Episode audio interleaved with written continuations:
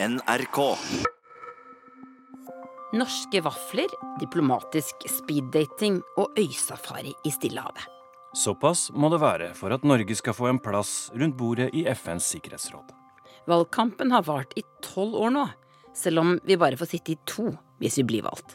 Men er det så farlig, egentlig, at Norge er med? Står det virkelig om krig og fred? Krig og fred ved Tore Moland og Tove Bjørgaas.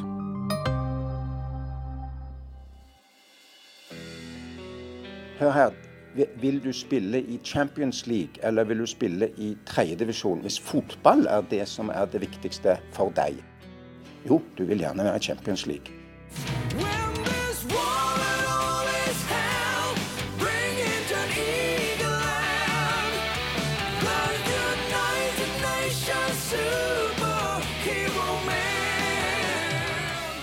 Dette er Jan Egeland. Jeg er generalsekretær i Flyktninghjelpen. Og jeg var eh, visegeneralsekretær, undergeneralsekretær, i FN. Den Ylvis-videoen er jo veldig morsom. Eh, den, den, går verden rundt, og jeg kan ikke dra noe sted uten at folk sier 'Har du sett den videoen?' Da sier jeg ja, den har jeg sett mange ganger. Og den er veldig morsom. Jeg sier ofte hvis man ikke kan le av seg selv, hvem kan man le av da? Min tittel var under generalsekretær for humanitære forhold og eh, global nødhjelpskoordinator. Og eh, jeg rapporterte da direkte til generalsekretæren og hadde hans autoritet når jeg prøvde å få store organisasjoner til å, å samordne sin, si, sine handlinger. Det er mandag morgen, og det er ti minutter til Jan Egeland skal holde sin siste tale i FNs sikkerhetsråd. It's time for Mr. Egeland to go down now. Okay, they are starting. Jeg husker at jeg laget sånn lørdagsportrett i Dagsrevyen med deg der oppe. Du satt høyt oppe i etasjen i FN. Det var nesten ikke mobildekning der, men det var et veldig stort og imponerende kontor, husker jeg. Føltes det veldig viktig?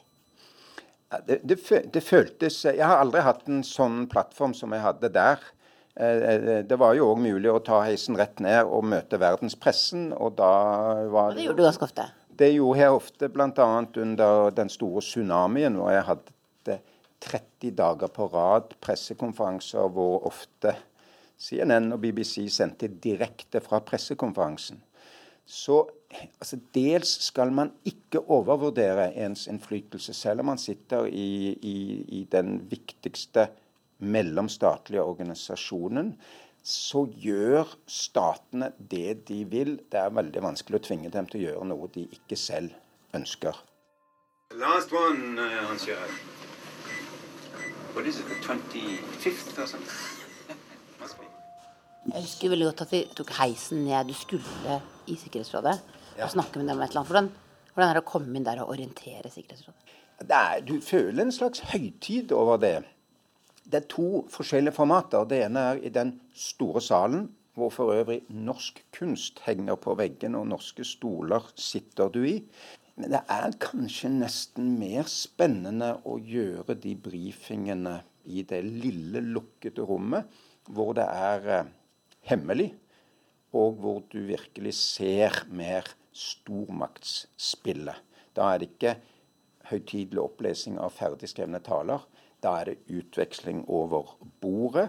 Og man ser eh, i pausene hvordan diplomatene løper rundt og prøver å meisle ut en felles posisjon, ofte i veldig viktige spørsmål om krig, krise, liv og død. Hva slags rom er det? Ja, Det er, det er ganske unnselig eh, møterom. Eh, men det ligger innenfor en rekke eh, dører og kamre, så det, det er vanskelig å komme fram til det.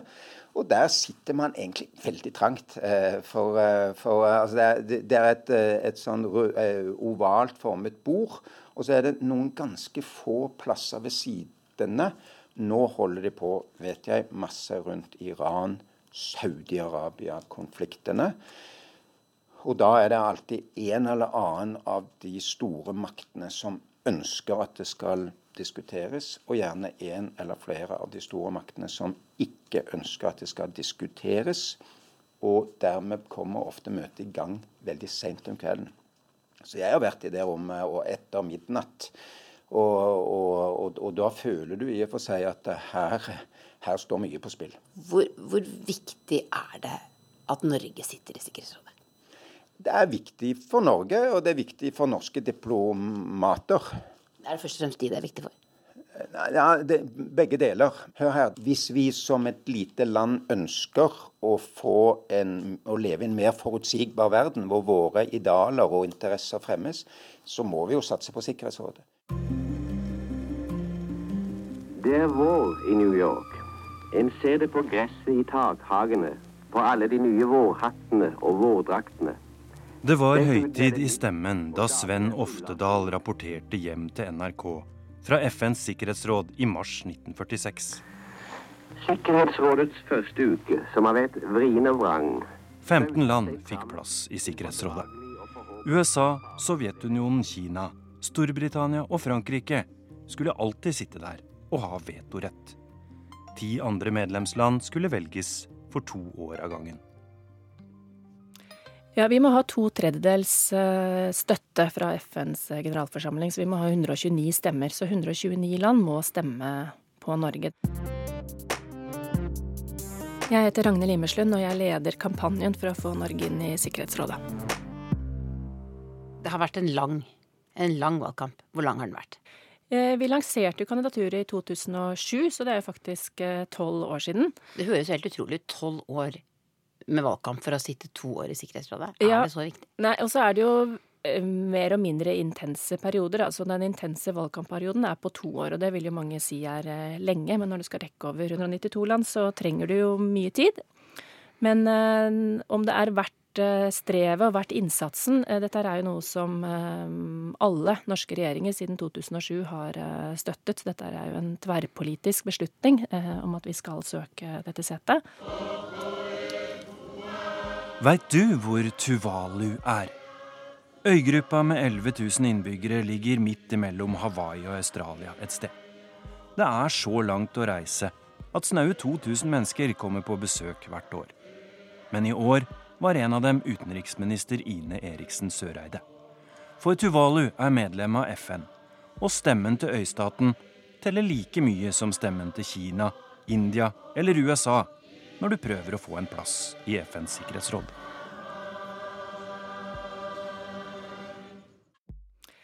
Det betyr at det er mange land som eh, mange av oss ikke hadde hørt om før, eller ikke var klar over at det var et eget land med stemmerett i FN, har faktisk stemmerett eh, nå. Så det betyr at eh, alle land i hele verden får nå oppmerksomhet fra oss. Vi må lytte til alle. Vi må passe på at vi oppleves som relevant overfor alle disse landene. Eh, Hvordan er det, da? Har du reist rundt i mange stillehavsøyer de siste årene? Jeg reiser ikke så mye. Jeg koordinerer eh, mer fra, fra, Oslo. Og dette er jo en øvelse som hele regjeringen står bak. Så flere av våre ministre og statsråder de eh, reiser en del. Og så har vi jo heldigvis en utenrikstjeneste som er godt representert, og som har diplomatiske forbindelser til alle land. Så de gjør en kjempejobb der ute. Og mesteparten av jobben gjøres der. Uh, og så er det i tillegg sånne regionale møteplasser og globale møteplasser som da gir gode muligheter for å treffe land som det ellers er veldig dyrt rett og slett å reise til, og noen ganger veldig komplisert å reise til. Å fly til Tuvalu er f.eks. ikke det letteste, selv om utenriksministeren greide å få til en tur dit i sommer. Men, men det, det, er viktig å satse på de små landene, for det er mange stemmer å hente der? Ja, det er jo, uh, I kampanjeøyemed så er det viktig å få støtte fra det som heter da små øystater, fordi det tell, rett og slett teller mange land. Men det er også viktig av andre grunner i norsk utenrikspolitikk. Vi har jo et stor uh, internasjonal satsing nå på hav, uh, som er utrolig viktig for Norge. Både økonomisk og folkeretten, havretten og sånn er viktig for Norge. Så dette er jo også samarbeidspartnere som vi ellers trenger også å samarbeide med. Det handler ikke bare om kandidaturet og om kampanjen vi nå fører for å komme inn i Sikkerhetsrådet. Men den, en sånn valgkamp er da også, kanskje en mulighet for sånne små land til å bli lytta til? Det er klart at for små øystater som ellers ikke eh, har så mange andre muligheter til å hevde seg på den internasjonale scenen, så er eh, sikkerhetsrådsvalget eh, for dem en mulighet også til å sikre at de blir hørt. Og det er kanskje ikke så rart, fordi eh, nettopp et land som Tuvalu, da, for å bruke det som et eksempel igjen, et lite land i Stillehavet som står i fare for å synke, rett og slett, hvis havnivået stiger ytterligere. Det handler om liv og død for dem. Og det De bruker jo disse valgene til å sørge for at verden lytter til dem. Og nå er vi jo heldigvis i en fase hvor dette også er økt bevissthet om det på den internasjonale agendaen. Generalsekretæren var jo nylig også i den regionen for nettopp å se ved nærmere øyesyn hva dette betyr for disse landene. Og for et par dager siden Ragnhild, så snakket jeg med hun som skal sitte rundt bordet i Sikkerhetsrådet dersom Norge blir valgt, om nettopp hva små øystater kanskje kan gjøre med agendaen eh, i Sikkerhetsrådet fremover. Vi mener også at klima bør på Sikkerhetsrådets agenda. Denne, dette forholdet mellom klima og sikkerhet. Så vi har veldig mye til felles og veldig mye å snakke med de landene om. Mitt navn er Mona Juel. Jeg jobber nå som FN-ambassadør i New York. Eh, begynte for et halvt år siden og har som hovedoppgave opptil flere ting, men inkludert å prøve å få Norge inn i, i FNs sikkerhetsråd. Og det er ikke for at vi har plutselig kommet på noen, noen ny politikk som de vil høre. Dette er, det vi, dette, er, dette er, nasjonale interesser for oss også, som et land som er avhengig av, uh, av Akkurat like avhengig av havet, og akkurat like uh, opptatt av å bekjempe klimakrisen som, som disse landene. Kanskje fortelle om det, så, så klima det er noe som man vanligvis ikke snakker om i i Sikkerhetsrådet som, som diskuterer mer sikkerhetsspørsmål. Ja, riktig. Og, og, og, det er for så vidt også litt kontroversielt eh, hos noen land, som, som, som, som, kanskje vil mene at eh, i Sikkerhetsrådet så er det, som denne podkasten har, har, sitt navn, dette er krig og fred. Eh, men, eh, men, men, men, vi mener jo at, eh, at Eh, ja da, f.eks. klima også truer, truer et lands uh, sikkerhet, uh, rett og slett altså eksistensen. Og derfor så må vi også ha fokus på det i Sikkerhetsrådet. Og det er jo også mange andre saker som, som, som vi mener f.eks. alvorlige brudd på menneskerettigheter, eh, interne konflikter som mange land vil si at nei, dette er en intern konflikt som ikke truer eh, eh, fred og sikkerhet i verden, og dermed ikke skal på agendaen. Men eh, hvor vi vil være en forsvarer av at en, også en intern konflikt, som f.eks. skaper store flyktningstrømmer, vil påvirke oss alle sammen, og dermed er noe vi må prøve å finne løsninger på sammen. Er det da også utrolig viktig at vi er medlem av Sikkerhetsrådet? Ja, jeg mener virkelig det. fordi at uh, det er 20 år siden vi var der sist. Og jeg mener veldig bestemt uh, at vi har mye å bidra med inn i Sikkerhetsrådet. I går var djevelen her, og det lukter svovel fortsatt sa Venezuelas president Hugo Chávez. Fra FNs talerstol i 2006. Han snakket om George W. Bush. Mens Donald Trump klinte til da han beskrev Nord-Koreas leder Kim Jong-un i 2017. Rocket Man is on a suicide mission for himself and for his regime. En gang i året samles stats- og regjeringssjefer fra alle de 193 medlemslandene i FN i New York. Blant de innvidde kalles det høynivåuka. Jeg husker jeg sto ved siden av en mann i et lyskryss, som, og han sto bare og grynta og, og, og rista på hodet. Og, og var litt eh, enda større enn det jeg er. Og jeg tenkte han, han der har sett før med så store øyebryn. Eh, markerte øyebryn. Og vi sto da og fikk ikke komme over, selv på grønn mann, fordi USAs president skulle kjøre forbi utenfor for FN-bygget. Jeg heter eh, Anders Tvegård, er utenriksjournalist i NRK. Har vært eh, korrespondent i Washington og forsøkte da å følge litt med på det som skjedde i New York også, i FN-systemet og, og Sikkerhetsrådet spesielt. Så tenkte jeg at jeg prøver å snakke til ham og si hei. Og så gjorde jeg det, og da kjente jeg en, en, fikk jeg en, en, annen skulder. Vi sto jo som sild i tønne, egentlig, så jeg kunne ikke bevege meg mye. Men da klarte en, en sikkerhetsvakt å, å, å, løfte meg bort fra han, for det skulle ikke jeg få stå. Det var, var presidenten i, i, Turkmenistan, som, som, er litt sånn hellig. visstnok. Altså, man skal ikke snakke til ham, og, og i alle fall ikke en, en journalist eller en person som meg, som sikkert ikke hadde slipset helt strammet til uh, også. Så det løftet de deg fysisk? De bare løftet meg bort, og, og de, de, er sterke. Hva er det som er så gøy med å, å være i FN på en sånn uke som, som denne høynivåuka? Det er jo en politisk karnevalsuke. Uh, når uh, det kommer inn fly fra hele verden til dette internasjonale området på Manhattan. Alle gatene sperres av. Der har man presidenter, statsministre, utenriksministre. De som snakker stygt om hverandre. Resten av året plutselig er på et uh, under en kvadratkilometer stort område og må omgås uh, hverandre. Trange korridorer hvor du ser at folk prøver å geleide seg, eller altså manøvrere seg rundt for å unngå å møte blikk til ledere som de akkurat har skjelt ut. Denne høynivåuka er, eh, er krevende. Hvis du bor i New York, så må det være et mareritt. Noen kaller det for helvetesuka. Gatene er jo eh, sperret av. Er du øst på eh, Manhattan, så er det nesten ulevelig en hel uke. Mens disse bilkortesjene snirkler seg rundt, og andre velger å gå.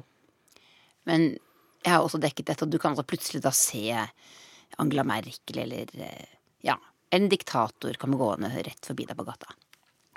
Ja, jeg har vært der uh, seks ganger på, på, høynivå uka og vært stått ved siden av både Mugabe og Gaddafi og sett uh, Gaddafis amazoner, og altså hans harem. harem. Og det er jo en spesiell opplevelse bare det å stå såpass nær en så mye omtalt mann.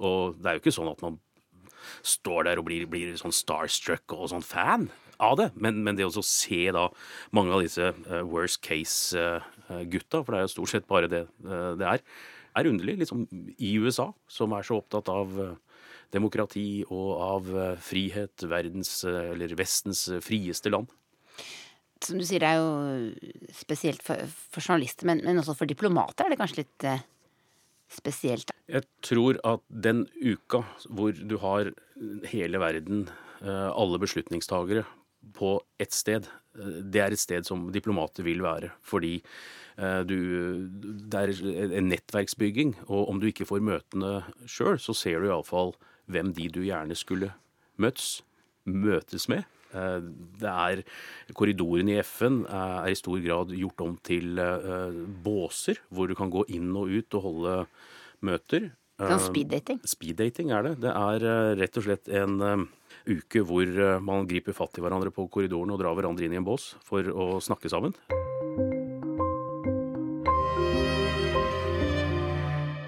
Og Ragnhild, nå reiser du til New York, for nå er det liksom valgkampinnspurt, da, eller? Ja, det er jo, for oss er valgkampinnspurten ganske lang. Den er jo på nå, jeg tror det er 39 uker igjen til vi tror valgdagen er. Eh, og denne høynivåuka er nok en av de viktigste møteplassene det, i løpet av de ni månedene, hvor vi da har muligheten til å sikre støtte til det norske kandidaturet fra FNs medlemsland. Hva skal dere gjøre da denne uka? I tillegg til eh, de mer formelle tingene som organiseres av FN, så er jo dette også en unik mulighet til å treffe rett og slett alle verdens land. Så det vi vil eh, prioritere denne uken for våre politikere, for statsministeren, utenriksministeren, utviklingsministeren, kronprinsen og klimaministeren, som i år stiller, eh, de vil forsøke å rett og slett rekke over så mange land som mulig og ha bilaterale møter med de som skal stemme på oss når selve valgdagen er neste år. Men eh, så er det jo også valgkamp, så da har vi også noen sånne effekter for å gjøre oss synlige i massen. Så vi, alle norske diplomater går nå rundt med rosa bånd. Eh, du har et her, faktisk, ja. inne i studio. Ja, og vi, med gullbokstaver på. Gullbokstaver og gullhjerte, som er også liksom hovedsymbolet vårt i kampanjen. Og så kommer vi også til å gå med rosa sokker, er vårt nye lille sånn valgkampgimmick, for å få oss til å synes litt blant de andre mørke dresskledde. Ja, det er jo veldig trendy, da, med sokker i pumpsene, så vi får se hva vi får til. Eh, og så har vi eh, et eh, havarrangement hvor vi Det er den store havfesten som vi arrangerer i år, hvor vi sammen med Chile og med Kenya, Palau og Portugal inviterer til en stor havfest, The Ocean Wave, hvor vi i fellesskap skal vise hva vi nå sammen gjør for å løfte opp havets betydning og vår felles innsats for havet det neste året. Det er ikke en utkledningsfest? Det er ikke en utkledningsfest, nei.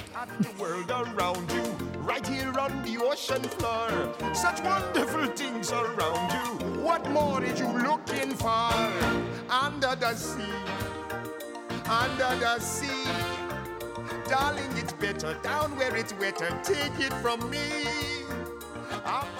Dere har brukt 22 millioner kroner på den kampanjen. Dere la akkurat ut nye tall i forrige uke i en pressemelding. Har brukt 11 millioner det siste halvåret på å komme inn i Sikkerhetsrådet. Og i den pressemeldingen så sto det liksom hvor mye UD har brukt på paraplyer, pins og alle mulige andre effekter. Not notatblokker og andre ting. Veldig detaljert. Hvorfor offentliggjør dere så detaljerte budsjetter? Eh, vi er jo for åpenhet eh, rundt kampanjen, og er, eh, dette er både en del av det Eller det jobber vi også for i FN. Det har vært reist mye kritikk mot denne type kampanjer av andre land tidligere. Nettopp fordi at uh, det har vært historier om at man har gitt gaver, det har vært snakk om brune konvolutter, det har vært snakk om andre ting. Dette var nok mer i fortiden, ikke nå. Men uh, vi er i hvert fall opptatt av at ikke vi skal kunne kritiseres for at vi driver med noe som ikke er kjent. Så vi er opptatt av å være åpne med hva vi bruker penger på. Og litt også for å avmystifisere hva faktisk dette er for noe. Eh, utgifter til vaffelrøre står ikke på den lista, men jeg har skjønt at, at, vaffelsteking også har vært en del av kampanjen? Ja, Vaffeldiplomati er jo blitt et nytt eh, begrep i FN. Eh, igjen, det er noe som eh, I FN så er det ganske vanlig at eh, de ulike FN-delegasjonene innimellom inviterer de andre FN-delegasjonene på en matbit eller på en drink, eller at man liksom stiller opp og gjør noe for å vise fram eh, fra sitt land. Så vi har nå mm, innført vaffeldiplomati i FN, hvor vi innimellom da steker vaffel i det som heter Delegates Lounge lunsj, hvor ofte da delegatene til FN møtes etter en strevsom arbeidsdag og serverer vafler, og det har vært veldig populært. Men det er en historie bak det vaffelhjertet? Ja. Um, dette hjertet, som er hovedsymbolet vårt i kampanjen, er jo hentet fra tapeten i Sikkerhetsrådet, uh, hvor det er jo en norsk tekstilkunstner har laget den tapeten. Fordi Sikkerhetsrådssalen var rett og slett en gave fra Norge til uh, FN. Men det er altså to år man sitter i Sikkerhetsrådet, ikke sant? Det er bare to.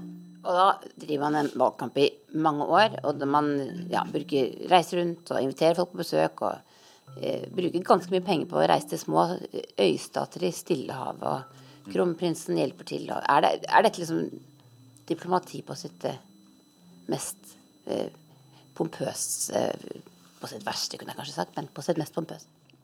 Altså, det, er jo, det, er jo, diplomati hvor du må gå den lange veien.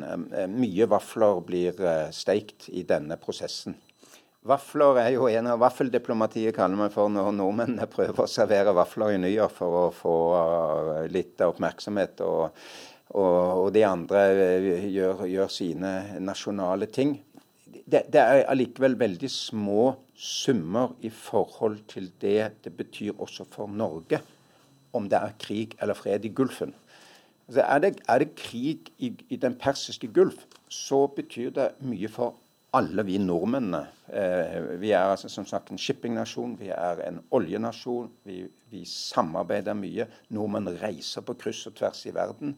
Eh, er det stor terrorfare eller liten terrorfare? Er det mye epidemiske sykdommer eller lite? Det betyr mye for nordmenn. Så jeg tror de færreste er egentlig klar over hvor mye det betyr at det fungerer internasjonalt.